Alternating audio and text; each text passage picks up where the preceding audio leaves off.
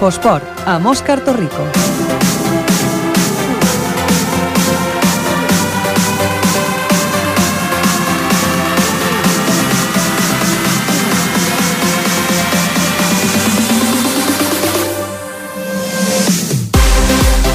Molt bona tarda, benvinguts a l'Hora dels Esports a Ripollet Ràdio, al programa Infoesport, on cada dilluns us expliquem, us repassem com ha anat el cap de setmana l'actualitat esportiva dels equips del nostre poble. Com sempre, començarem amb el repàs de tots els marcadors per després endinsar-nos una mica en alguns dels resultats per explicar-vos una miqueta més com, ha anat, com han anat aquests partits. Comencem llavors amb els marcadors. El marcador. I ho fem amb els nostres companys, la Mèriam Lara. Mèriam, bona tarda. Bona tarda, Òscar. I el Ferran Rigat. Ferran, bona tarda. Bona tarda. Vinga, comencem amb futbol sala. Doncs així és, tercera nacional, el futbol sala Ripollet suma la setena victòria consecutiva i va llançat cap a l'ascens. Fut Futbol Sala Ripollet 4, Bosco Rocafort 3.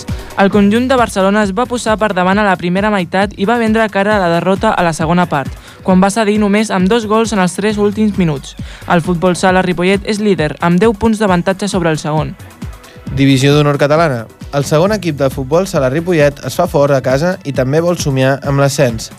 Futbol Sala Ripollet B5, Natació Sabadell B3. L'equip va haver de remuntar el gol inicial dels rivals en, un gran, en, en una gran segona part, en la qual va marcar 4 gols en 5 minuts. Cristian, Javi, David i Marc, aquest en dues ocasions, va donar la, la quarta victòria seguida a casa. L'equip es manté quart a 4 punts dels Jocs d'Ascens. Tercera catalana. L'Inter Ripollet empata a la pista d'un dels seus rivals en la lluita per l'ascens. Arrels B1, Inter Ripollet 1. L'equip de Barcelona es va avançar a la segona part, però l'Inter Ripollet va igualar en només dos minuts per mitjà de Sergio i va salvar un empat molt important. Així, es manté a la cinquena posició, però ara està a 5 punts de la promoció d'ascens. Ara passem al futbol sala femení a la divisió d'honor. L'Inter Ripollet empata a la pista en els seus dos últims rivals en la lluita per l'ascens. Escola Pia 4, Can Clos 3. Es L'Escola Pia va arrebatar al Can Clos el quart joc de la classificació. Les, les barcelonines es, van posar amb 4 a 1 a favor, però el Can Clos no va baixar els braços i va lluitar per l'empat fins a l'últim moment. La derrota ripolletenca deixa les opcions d'ascens de l'equip molt complicades. Hoquei Patins, segona catalana. El club d'hoquei Patins Ripollet aconsegueix un important triomf davant d'un rival directe en la lluita per l'ascens. Club Hoquei Ripollet 8, Club Patí Sit, eh, Sitges 6. Els ripolletens van fer un gran, una gran primera part i, i van aguantar l'empat del rival al segon temps. El triomf permet al Club Hoquei Ripollet situar-se a 4 punts de la segona plaça que ocupa precisament el Sitges. Tenis taula, primera nacional masculina, grup 3. El tenis taula Ripollet aconsegueix una nova victòria i segueix lluitant per l'ascens. Ateneu 2, 4, Club Tenis Taula Ripollet. Els jugadors locals han obtingut un triomf a domicili gràcies al punt de Raúl Porta, Julio Andrade i Miquel Arnau. La victòria li permet mantenir-se a la tercera posició a la classificació. Tercera nacional masculina. El segon equip del tenis taula Ripollet suma una nova derrota i continua a la zona mitjana de la taula. Falcón Sabadell 4, Club Tenis Taula Ripollet 2. Els jugadors ripolletens han, han tornat a perdre davant un dels líders de la classificació a domicili. Malgrat la derrota, segueixen junts lluny de la zona de, de descens. Seguim amb el futbol, segona catalana. Victòria del Club Futbol Ripollet, que guanya un altre partit a casa. Club Futbol Ripollet 3, Gramenet Milan B 0. Amb un primer gol de, de penal per part de Joaquim a la primera part, el Ripollet va sumar el seu primer gol al marcador. Carlos i Marc, als últims minuts del partit, van ficar el segon i tercer gol del partit. Tercera catalana, empat del Pajar i la casa. Eh, Pajaril 0, Castellbisbal 0. Cap moviment al marcador va comportar un empat entre dos equips molt propens a la classificació. El Pajaril es situa dotzer a la taula amb 26 punts. Un derbi que acaba en empat. Cerdanyola del Vallès Futbol Club B 0, Escuela Futbol Base Ripollet 0, amb 5 targetes grogues per part del Ripollet i una expulsió, i 3 targetes grogues per part del Ripollet, el, el, el partit va acabar amb cap gol dels, dels dos equips. Quarta catalana, derrota important de l'Escuela Futbol Base Ripollet. Vallaterra Futbol Club 5, Escuela Futbol Base 2. Un gol en pròpia porta per part de l'escola va sumar el primer gol del 5 del Vallaterra. Els altres 4 gols van arribar amb una diferència de 15 minuts entre ells. Amb una derrota fixada, els del Ripollet van ficar els seus dos gols en els últims minuts del partit per Daniel Banach i Daniel González. Empat a dos punts del Ripollet femení. Can Butxeres Futbol Club 2, Ripollet Club Futbol 2. Un gol del penal va sumar el primer gol al marcador per part del Can Butxeres, però poc després Cati empatava el partit. Can Butxeres va tornar a ficar un altre gol de penal i finalment Judit va empatar a dos al partit. L'escola futbol base femení guanya per golejada al Poniente. Escuela Futbol Base Ripollet 9, Poniente 2. Josefa Tirado i Raquel Corral van ficar 4 gols cadascuna on l'escola va superar molt per sobre al Poniente. Carla Saraiva va complementar el partit amb un gol seu. Bàsquet, primera catalana. El Club Bàsquet Ripollet suma una victòria més per pujar cap a les primers llocs de la classificació. Club Bàsquet Ripollet 69, la parròquia Sama Vilanova 63. El primer equip del Ripollet guanya un partit important, situant-se a la sisena posició empatats amb els quarts i a dos victòries del primer, l'Esparreguera. Territorial. El Luc Estore Gasó no perd cap oportunitat per situar-se primer. Montmeló C, Club Bàsquet 45, Lucas Toregassó 70, 77. Una altra victòria que els permet seguir en segona posició a dues victòries d'alcaldes. Un partit contra, contra un equip de la part baixa de la taula. El Ripollet Ver B perd un partit decisiu per posicionar-se de tercers. Club Bàsquet Ripollet B 42, Club Bàsquet SIC B 43. Un partit important per fixar la tercera posició que als últims minuts es va decantar per l'equip visitant. El SIC es situa llavors per sobre dels ripolletens a la classificació, per només un punt. Una derrota més pel Gasó B. Eh, Ramon Llull C 82, Club Bàsquet Gassó B 40. En només una victòria, els verds tornen a perdre aquesta setmana contra els que es situen quarts a la classificació. Tercera catalana femenina. Partit igualat que acaba amb, una derrota més del Ripollet femení. Femení Cornellà Gris 35, Club Bàsquet Ripollet Femení 30. Un partit amb molt poc encert per part dels dos equips i molt, i molt important que fa situar el Cornellà a la tercera posició i acaba baixant un esglaó més a les blaves. Partit difícil pel Gasó femení, que s'emporta una derrota. Eh, Unió Bàsquet Mir A 49, Bàsquet Femení Ripollet 35. Després de diverses setmanes que situen cada vegada més a prop a les ripolletenques del primer lloc a la taula, perden un partit més, que la primera volta va sortir guanyant les verdes, es situen cinquenes empatades amb les quartes. Handbol. Segona victòria consecutiva de l'handbol Ripollet. Pau Casals 22, Club Handbol Ripollet 42. Partit emporta, emportat des del principi per als ripolletens, que lluiten per situar-se a la primera posició, que ara l'ocupa el Handbol Bordil C. Patinatge. Medalla de plata per a la ripolletenca Noemí Nieto al Campionat Prejuvenil de Barcelona. La, no la Noemí Nieto va aconseguir una valuosa medalla de plata al Campionat de Barcelona prejuvenil de Malgrat de Mar, a Barcelona. Va ser un molt, un molt bon disc que li va permetre doncs, pujar al podi. De fet, després del curt va ser sisena i va poder remuntar fins la segona plaça durant el, el, programa, el programa llarg, a tan sols 20 centèsimes de la medalla d'or. Doncs aquests han estat els resultats. Moltes gràcies, Ferran i Míriam. Ens trobem una miqueta més tard. Ens explicareu algunes coses. Ara ens endinsem en alguns d'aquests partits del cap de setmana. Comencem. El protagonista de la setmana.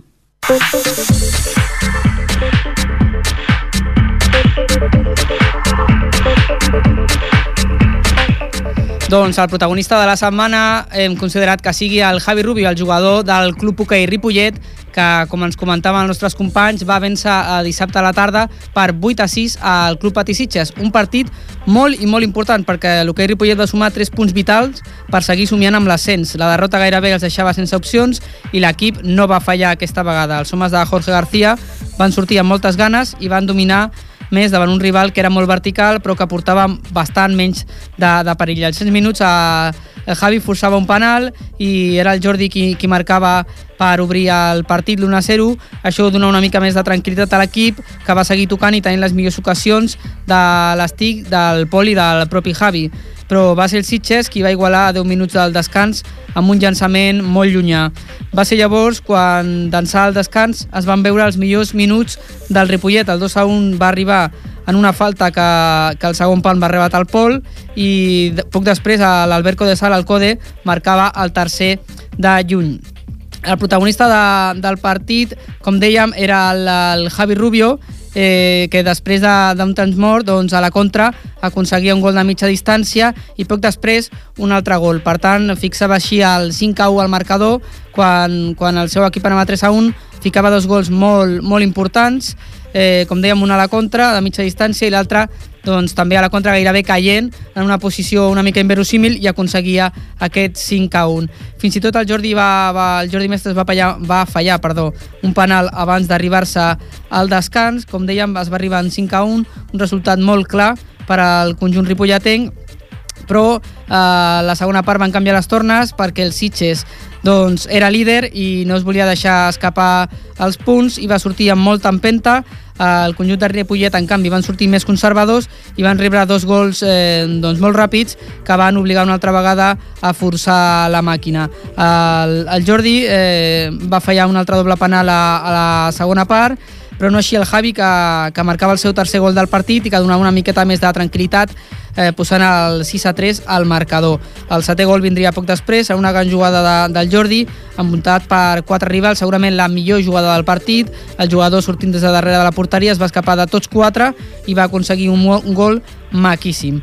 Tot i que el Sitges tornava, el Sitges, eh, tornava a fer dos gols més, eh, en una contra l'Albert Cudassal a, a pocs minuts del final doncs, posava el 8 a 5 al marcador i ja donava per tancat el partit. Cal destacar més del Javi, que l'equip van fer un bastant bon partit a nivell defensiu. Eh, cal destacar, com dèiem, que el Metaloi va estar molt bé, l'Eloi Mur sota pals, i que va fer mitja dotzena de, de bones intervencions algunes en moments crucials del partit i entre elles dos parades de, de dobles penals.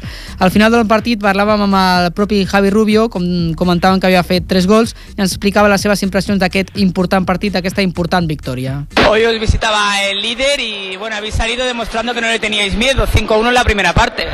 Sí, sí, no, hemos venido a recuperar lo que nos toca, hemos de, hemos de subir y estos tres puntos son vitales. Si ganamos, nos metemos en la liga y hay ascenso. Adelante con ello. Eh, ese 5-1 en la primera parte os ha dado un poquito de tranquilidad. Sí, no, a ver, veníamos con la idea de a ver si hacemos un 4-0 o un 5-1 en la primera parte, en plan fantasía, ¿no? Pero, pero se ha sacado, se ha conseguido. Es que es un equipo al que no le habían hecho muchos goles hasta ahora y hoy le habéis metido 8. Sí, no, no, le hemos metido caña. Supongo que también se han ido desquiciando, eran un primero bastante absoluto y no venían a perder. Y el 5-1 en la primera parte les habrá desmotivado totalmente. Pero nos han dado una segunda parte de infarto. Sí, ¿no? Porque en la segunda mitad, a partir de esos dos primeros goles que os han metido, pues os habéis salido un poquito más conservadores y os ha vuelto a hacer eh, que tengáis que, que apretar. Sí, yo creo que a veces no hay que salir tan conservador porque en verdad nos han, se nos estaba merendando en esta parte.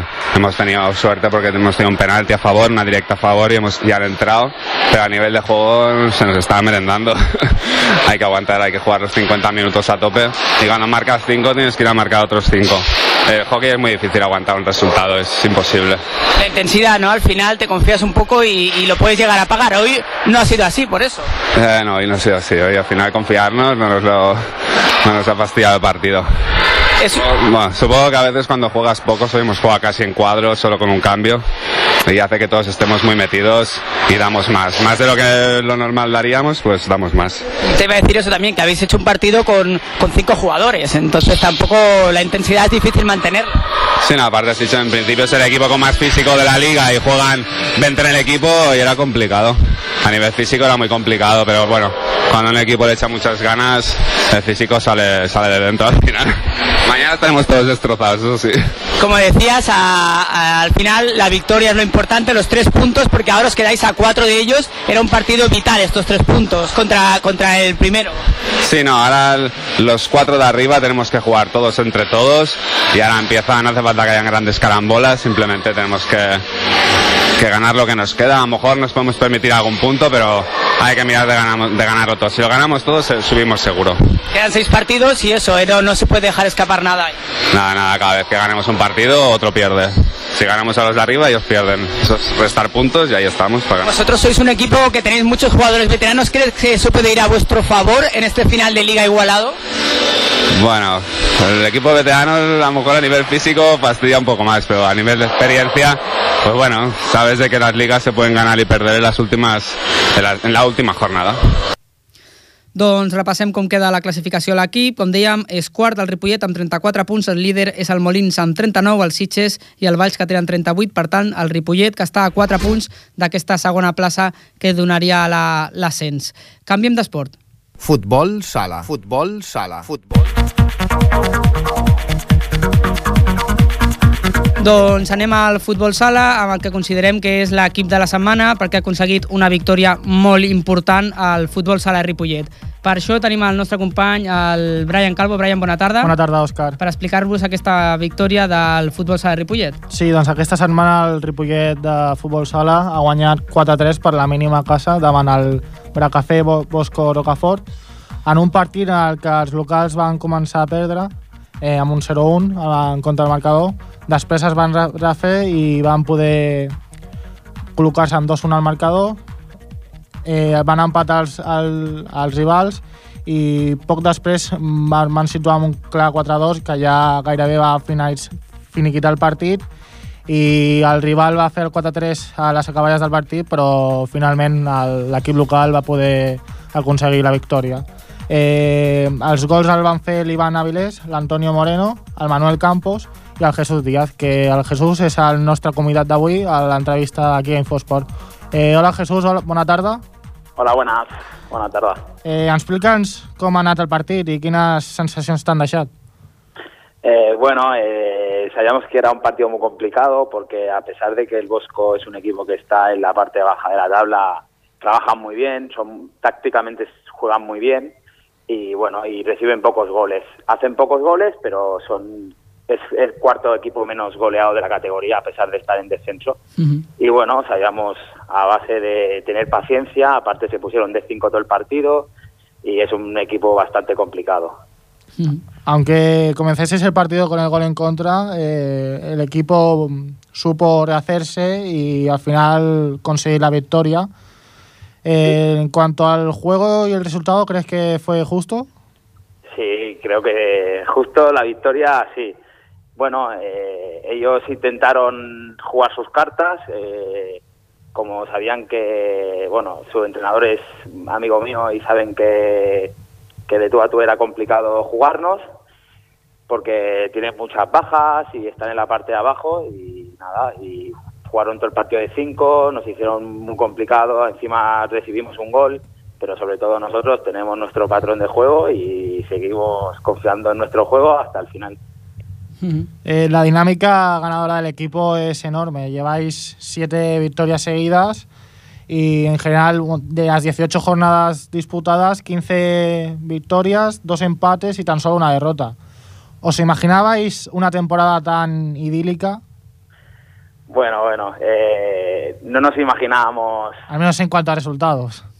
Ah, bueno, pensábamos que a lo mejor te, te llevaríamos algún punto menos, la verdad. Eh, pero bueno, te estamos teniendo, estamos teniendo relativamente suerte ahora un poco con los resultados también. Llevamos siete victorias seguidas y bueno, eh, no creo que, bueno, en el mejor de los casos yo creo que todo el mundo firmábamos estar como estamos ahora. Eh, bueno, hay que tener en cuenta que sois, aparte de ser los líderes destacados, sois el equipo menos goleado, 44 goles en contra, y el más goleador, 107 goles a favor. Eh, aparte del juego, supongo que esta será la clave del éxito, ¿no? Sí, sí, sobre todo eh, Nico es un y el cuerpo técnico defende, eh, marcan mucho la defensa, saben que tenemos calidad arriba para decidir los partidos y sobre todo intentamos ganar los partidos a raíz de defender y después con la pelota pues intentar marcar los máximos goles posibles, pero sobre todo remarcamos siempre el equipo, siempre remarca mucho la defensa. A nivel personal, eh, ¿cómo te encuentras? ¿Estás, estás contento con, tu rol en el equipo y a la, la temporada en general? Eh, sí, sí, estoy muy contento. La verdad es que el recibimiento es, es buenísimo por parte del club, del equipo, la afición y la verdad es que sí, estoy muy a gusto con el rol con el rol en el equipo también porque el cuerpo técnico me da mucha confianza para que desarrolle mi juego y muy bien, muy bien. Con el equipo hay muy buena piña, muy buen rollo y, y eso siempre siempre suma y más cuando eres nuevo en un club uh -huh. es, es, muy agradable, es muy agradable jugar en Ripollet. Estabas metiendo muchos goles, esta semana metiste el cuarto, el último que, que ahí asegura un poco la victoria, pero también hiciste el, el pase de gol anterior a, a Manu y, y este fin de semana te veíamos decir en, en las redes sociales, en Facebook, que, que al final un pase de gol hace feliz a, a dos jugadores, al que lo da y al, y a- y al que consigue el gol. Eh, ¿Qué te gusta más, los goles o, o- o, bueno, ese juego colaborativo que estáis demostrando? Eh, bueno, ¿Qué es más eh, importante? A ver, más importante. a Para ti, ¿eh? Quiero decir, a eh, nivel, a nivel este de motivación. A nivel de motivación, depende. Por ejemplo, esta semana estoy muy contento con el pase que doy a Manel. Eh, la verdad es que estoy más contento con el pase que doy que con el gol que marco al final. Bueno, es lo que digo, que una asistencia hace feliz a dos. Eh, es lo único que puedo decir. Entonces sí, pero estoy muy contento. E igualmente también me gusta marcar goles y ser importante. Y bueno, pues si soy importante dando una asistencia para que un compañero marque un gol, pues pues somos felices todos. Ujú. Bueno, eh, lleváis 47 puntos, líderes destacados, a 10 del segundo, el Parets. Eh, ¿Se puede considerar que el ascenso, no matemáticamente, pero sí está en la mano? ¿O aún hay que esperar para asegurarlo? No, aún hay que esperar mucho. A ver, la verdad es que ahora, pues, eh, todo está en nuestra mano porque... si Está la nosotros presión en nosotros- vuestra, en vuestra espalda ahora, ¿eh? ¿No? Porque Hombre, podéis sí. perder la liga más que ganarla. Sí, a ver, eh, mirando la clasificación, si un equipo lleva 10 puntos al segundo, eh, si perdemos la liga la perdemos nosotros, pero quedan 12 jornadas, eh, todos son emparejamientos directos y bueno, a ver, el objetivo es subir y quedar el campeón, pero queda muchísimo, la verdad es que queda muchísimo, tenemos que jugar contra todos los equipos de arriba y bueno, ahora personalmente creo que si no si no ganamos la liga, eh, nosotros perde- la perdemos. O sea, no creo que nos la puedan ganar. Y, y La ya, podemos perder nosotros solos. ya, ya para acabar, el próximo partido contra el Sagarra, eh, ¿qué predicción haces del, del encuentro? Eh, bueno, el Sagarra ahora ha comenzado a ganar, do- lleva dos victorias seguidas porque ha fichado ahora a David Herraiz, un, un cierre con mucha experiencia. También se nota la mano de Cala, que bueno, que ya el trabajo se está viendo porque era un equipo que tenía que estar en la zona alta y empezó muy mal. Y bueno, va a ser un partido muy complicado. Después Santa Coloma, la pista, eh, ellos están más acostumbrados a la circulación de la bola y, y bueno, esperamos un partido complicado, pero espero, Hay pocos partidos fáciles con- y contra el líder, pues todo el mundo se quiere crecer, ¿no? Sí, sí, ahora sí, ahora ya lo notamos bastante más, que se nota que todo el mundo cuando viene o juega contra nosotros, vemos en los campos que no es lo mismo ganar al líder que ganarle a un equipo a otro equipo. Entonces, la motivación extra esa la notamos, la verdad es que la notamos y la comentamos en el equipo. Pues esperemos que al final de la temporada el equipo pueda conseguir ganar la liga y consecuentemente ganar eh, el ascenso de categoría. Eh, gracias, Jesús. Muchas gracias a vosotros. Gracias, buenas tardes. Jesús. Buenas tardes. Doncs anava a dir que continuaríem amb futbol sala perquè ho farem amb el futbol sala femení, amb el Can Clos, que aquesta setmana doncs, perdia el seu partit per 4 a 3 contra l'Escola Pia, un partit molt important que ens explicarà el nostre company, el Ferran Rigat. Ferran, bona tarda. Bona tarda, Òscar. Doncs sí, com tu No t'estem escoltant? Ara, sí. Vinga. Bona tarda un altre cop. Uh, tu mateix has comentat, uh, arriba al directe, l'escola Pia que van quedar 4-3 aquest dissabte, a fora de casa. A l'inici del partit es van posar per, de- amb, un empat a 1 a 1, abans dels 10, pri- dels 10 primers minuts, però l'equip local es va avançar al marcador amb 3 gols di difícils d'encaixar, però que les ripolletenques no van deixar de lluitar fins al final aconseguint dos gols que per desgràcia no van servir per sumar cap punt. Les noies de Xavi Peñarando s'estableixen com a cinquenes de la classificació amb 30 punts i veuen com cada cop més s'escapa l'opció de l'ascens per la distància amb els 13 punts del primer. Uh, eh, la- la jugadora Clara Llorenç. Llorenç uh, va marcar els dos últims gols del partit i crec que podem parlar amb ella. Sí? Sí. Hola, Clara. Bona, bona tarda. Bona tarda, Clara. Bona tarda. Bona tarda. Uh, el resultat és enganyós? Us mereixíeu aquest resultat? Bueno, sí que ens va costar molt eh, saber trencar la defensa rival, no vam, no vam saber plantejar un bon partit, crec, però potser mereixíem més que una, que una derrota. Mm. I què creus que us va faltar per guanyar? Bueno, no, no hem saber, saber interpretar la defensa rival, elles tenien, estaven molt tancades a darrere i sortien a la contra perquè tenien un parell de jugadores molt bones, molt ofensives, i ens va faltar una mica més de mobilitat, jo crec, en, en l'atac estàtic. Uh, ho treballeu a els entrenaments uh, o creus que ho podríeu treballar una mica més encara? No, no, bueno, els entrenaments estan molt planejats i en funció del rival que tenim entrenem d'una manera o d'una altra. Així que no, no va ser culpa d'una manca de planificació, simplement no vam saber interpretar com ho havíem de fer, però les directrius les teníem. Uh, arribades a aquest punt de la temporada, uh, seguiu amb el mateix objectiu que us plantegeu al principi? Sí, bé, bueno, se'ns allunya, se'ns costa una mica més, però l'objectiu segueix sent que entre les tres primeres. Mm. I, bueno, el primer i segon lloc estan difícils, però el tercer és pel que estem lluitant. La llàstima és que el partit de dissabte eren rivals directes per aquesta tercera plaça.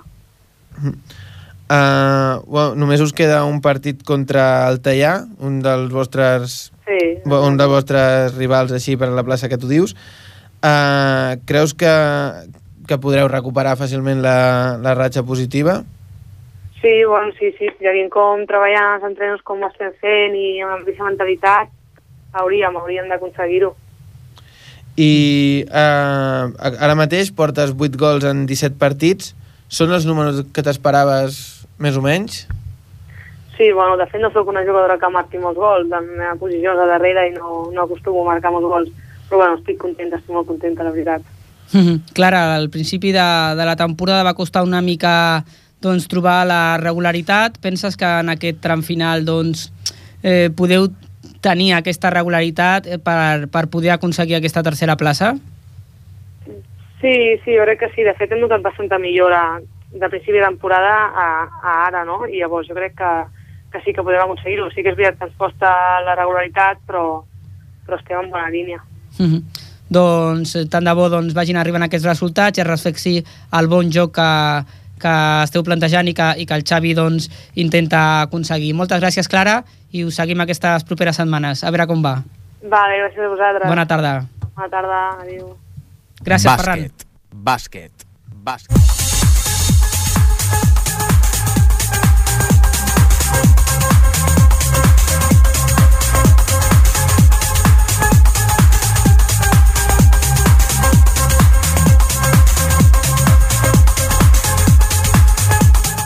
Doncs eh, agraïm als nostres companys, al Ferran Rigat i al Brian Calvo, que ens portaven les informacions sobre futbol sala i tornem a tenir aquí a la companya, la Mèriam Lara. Mèriam, bona tarda de nou. Bona tarda, Òscar. Que ens parlarà de la important victòria també del Club Bàsquet Ripollet aquest cap de setmana, concretament ahir diumenge a la tarda.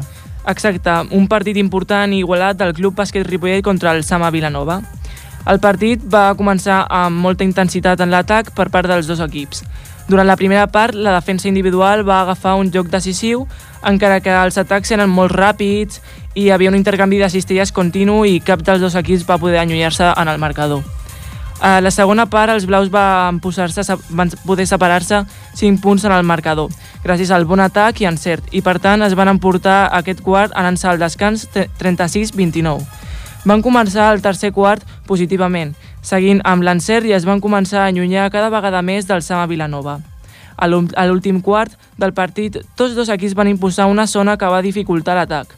Els ripolletencs, amb la seva zona 2-1-2, va arribar a agafar molts rebots perduts per Vilanova, però els visitants van saber recuperar els seus atacs perduts amb una zona 3-2. Finalment, l'encert de fora dels blaus va fer avançar-los al partit, acabant eh, 69-63. La nostra companya, l'Ester Catalán, ha estat parlant amb un dels jugadors del Ripollet, l'Antonio Quirós. Bueno, el partit ha sigut dur, ha sigut difícil, al final un rival que a priori estava a la part de baix, però la setmana passada ja vam perdre contra un equip de la zona baixa i era un partit que havíem de guanyar sí o sí i, i més a casa, no? Llavors hem, hem sortit molt, molt forts, amb, amb molta intensitat i des del principi ens hem, hem aconseguit anar una miqueta. El problema és que no aconseguíem de marxar del tot i sempre ha estat aquí, però hem continuat lluitant, hem continuat cap endavant i al final és una victòria que vull que no és, és molt important, és seguir sumant i, i ja portem 13 i res, continuar endavant. I com plantegeu el partit de la setmana vinent contra Cerdanyola? És un partit, és un partit especial, perquè sempre un derbi, doncs, sempre hi ha ganes de jugar-lo, coneixes a de l'altre equip i és un partit diferent. És un partit que aquí va ser el primer partit de la temporada que van perdre, després portaven cinc partits consecutius guanyats i van arribar ells i van guanyar aquí a casa, va fer, va fer bastant de mal. I tenim ganes, tenim ganes d'anar allà i demostrar que va ser, va ser bueno, un, una, un ensurt, però, però que podem, podem guanyar-los. Eh, res, ells estan molt bé també, estan allà dalt, porten una bona ratxa, però després del partit d'avui hem agafat confiança per, per anar allà i intentar guanyar-ho i, i donar-ho tot.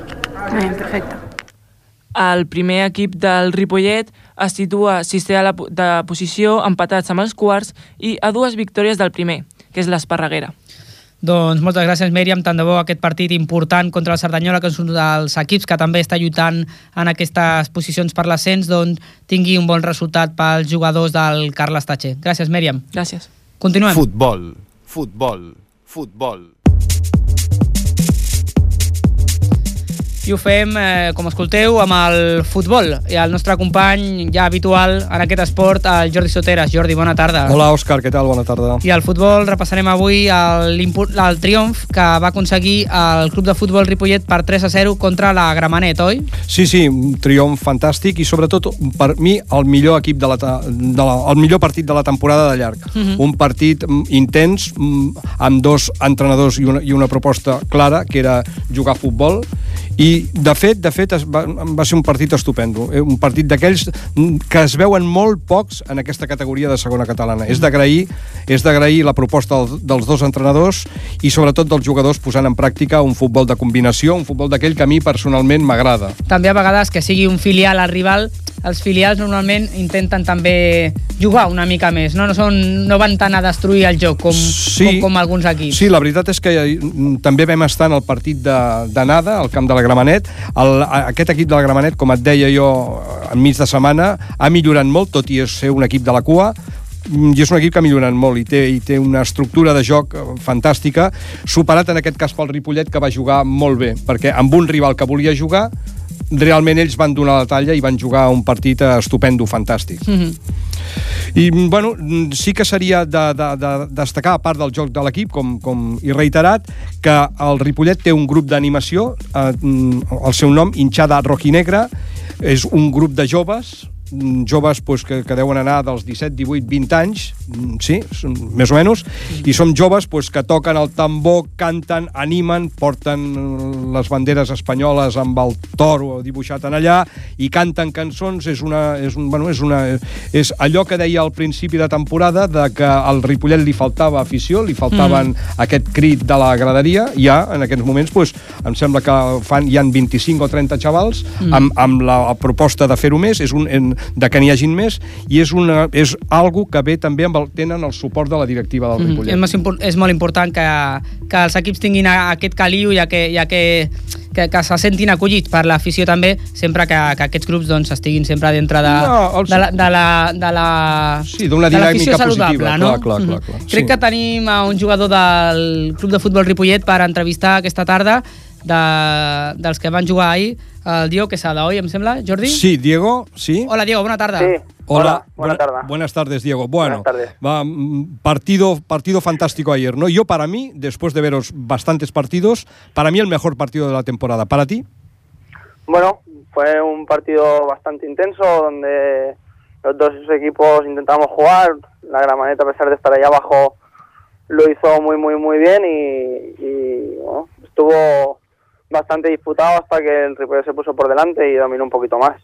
Mm, mm, eh, tú personalmente, en el campo, ¿qué tal te lo pasaste? Para mí, ya digo, ¿eh? lo fundamental, mejor partido de la temporada. ¿Para ti? Bien, se disfrutó bastante jugando, pero como lo intentamos hacer cada, cada semana, un partido, pues según el rival te deja jugar un poquito más, o la semana pasada había que hacer otro tipo de fútbol y que también nos sirvió para ganar los tres puntos y estar ahí arriba, o sea que cada semana se pone un rival diferente y, y hay que adecuarse a, a lo que toca. Exacto. Mm, Decías tú, hay eh, ese, ese campeonato que va con equipos diferentes, sí, con esta exigencia en cada momento. Estáis ahí agazapato- aga- agazapados, no contáis para nada, pero de pronto zas. ¿Cómo lo ves? Porque ahí estamos en la fase decisiva. Bueno, queda, queda una recta final muy importante donde, donde ahora hay dos o tres jornadas que, que nos enfren- tenemos enfrentamientos directos con los de arriba, que si conseguimos robarle los tres puntos mm, marcaremos un poco las distancias. Hasta ahora cada partido podemos ganar tres y ellos tres y, y ahora nos toca quitarle esos tres puntos a Son ellos. ¿no? partidos de seis puntos, ¿no? Casi.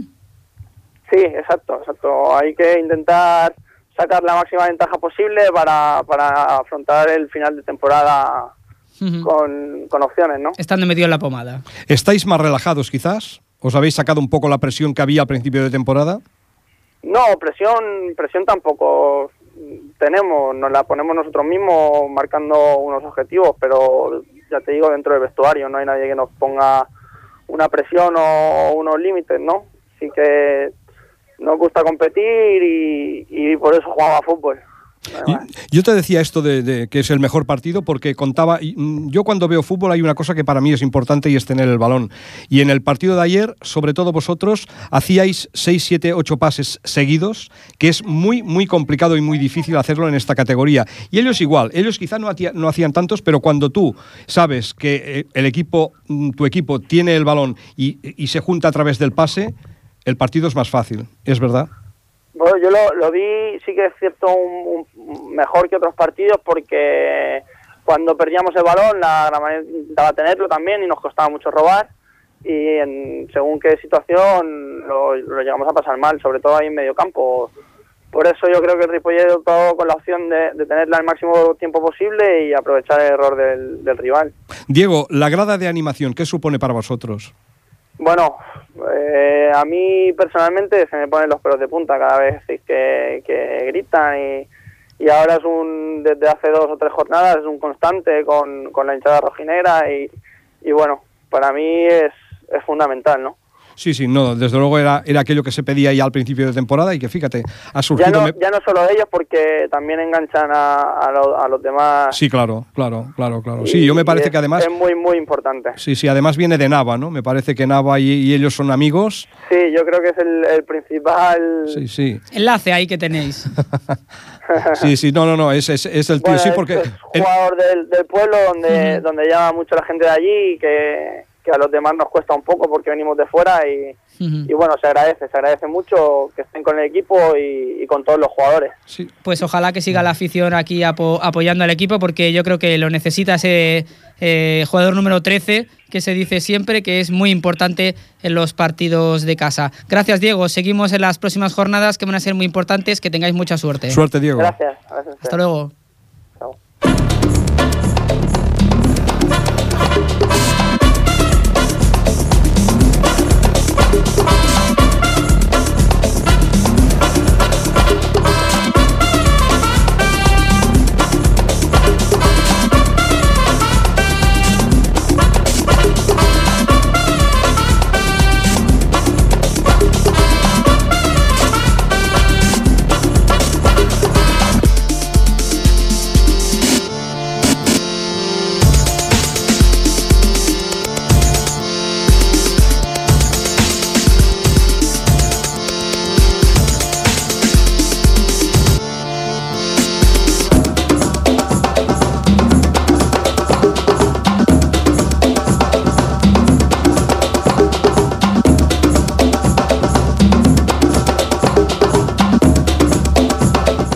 Doncs acabarem el programa, com gairebé sempre, amb la secció Febre d'Esports, en la que ens, ens apropem als joves esportistes de la ciutat perquè ens expliquin quina és la seva experiència amb la pràctica de l'esport.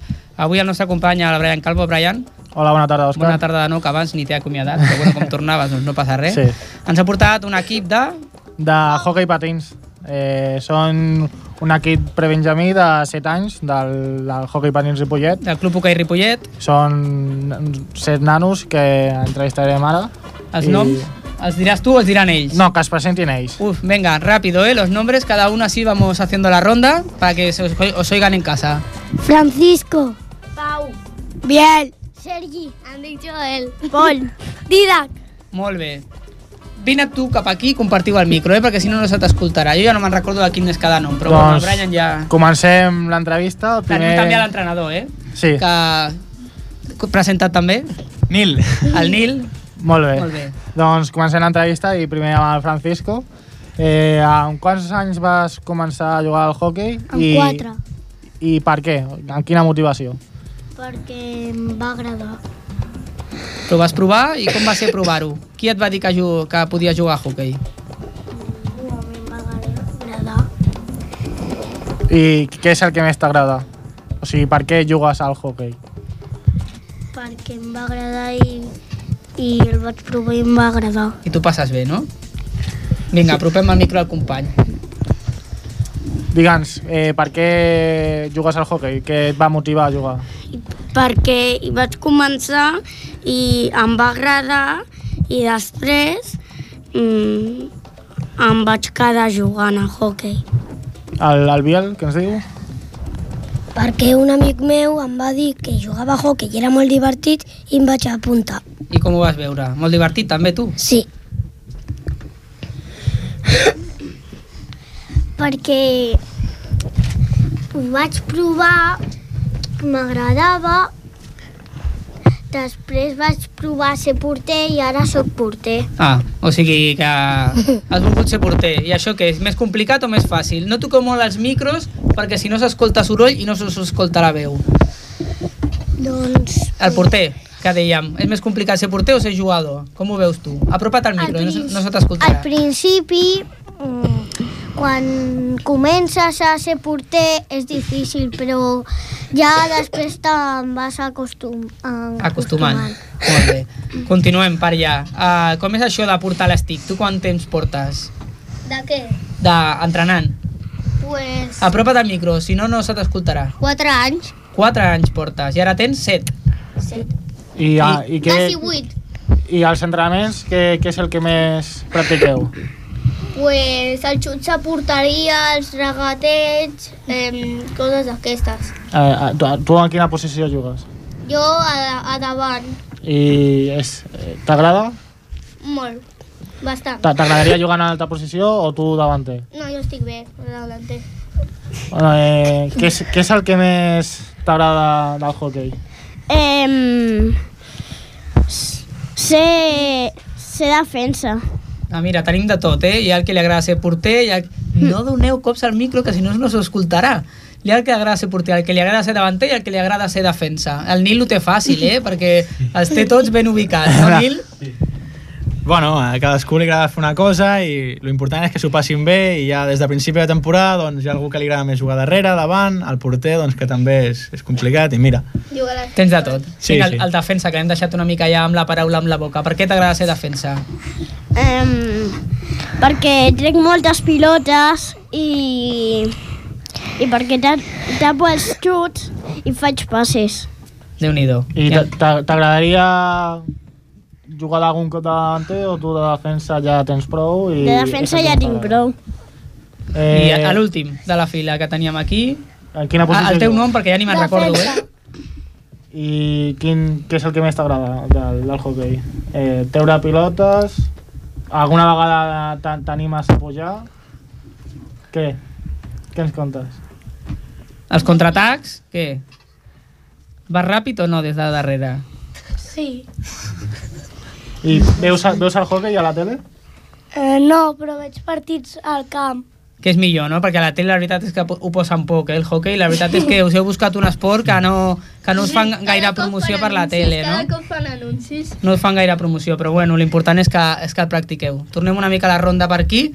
A veure, què, què et costa més? El tema controlar l'estic o... Tornem al Francisco, era. Francisco, veritat? Con controlar l'estic o córrer amb els patins? Això que, com ho veus? Al micro, eh? Parla al micro. Eh, una miqueta difícil. Tot. Els patins o l'estic, que és més complicat? Mm, L'estic. Sí? Bueno, aquí cada un... Qui, qui diu, cada diu un- mentida? Cadascú té una posició, Què, vinga. què diu el Biel? Què, què és el que més et costa? En patinar.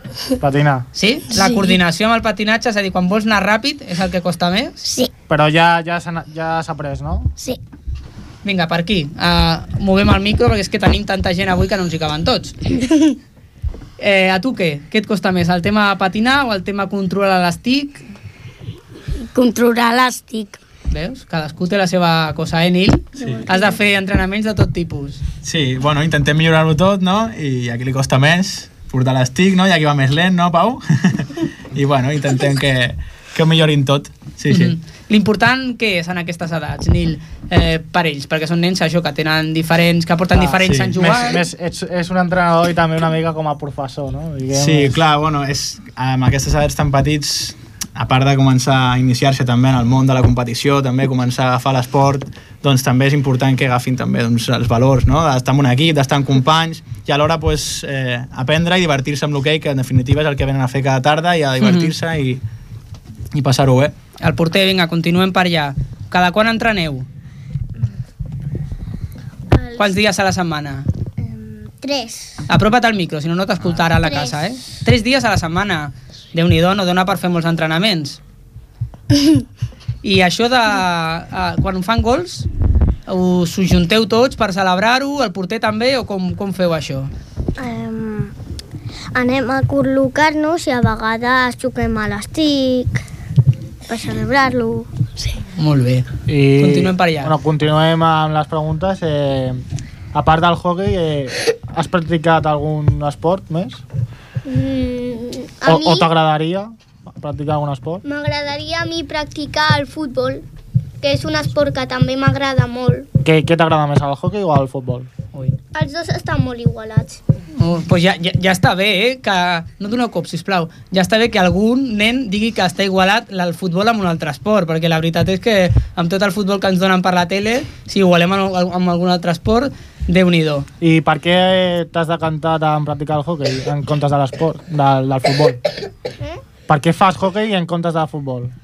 Bueno, al principi és que vaig veure els meus amics fer hockey, vaig provar i em va agradar.